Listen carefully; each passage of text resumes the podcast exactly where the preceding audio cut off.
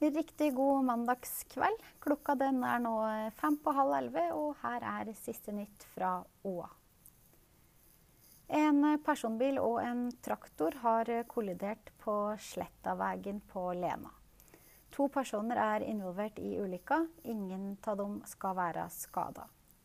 Føreren av bilen, en mann i 50-åra, er mistenkt for kjøring i alkoholpåvirka tilstand.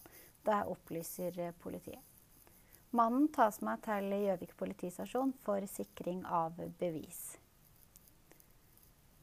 En bil med akuttlege og avansert utstyr ruller nå på veiene og gjør Innlandet litt tryggere. Ambulansehelikopter er helt klart der vi ønsker oss på sikt, men det er positivt at vi nå har fått et viktig supplement til ambulansetjenesten. Det sier eh, anestesilege og avdelingssjef for luftambulansen i Innlandet, Dag Frode Kjernli. Mandag ble det skrevet norsk undervisningshistorie på Gjøvik. Da åpna nemlig landets første høyskole for yrkesfag på Kallerud. 20 studenter har fått plass på bachelorstudiet i byggeplassledelse ved den nyoppretta høgskolen. En av dem er 33 år gamle Jonas Sjuve fra Tønsberg. Han sier til Loa at dette har han venta på.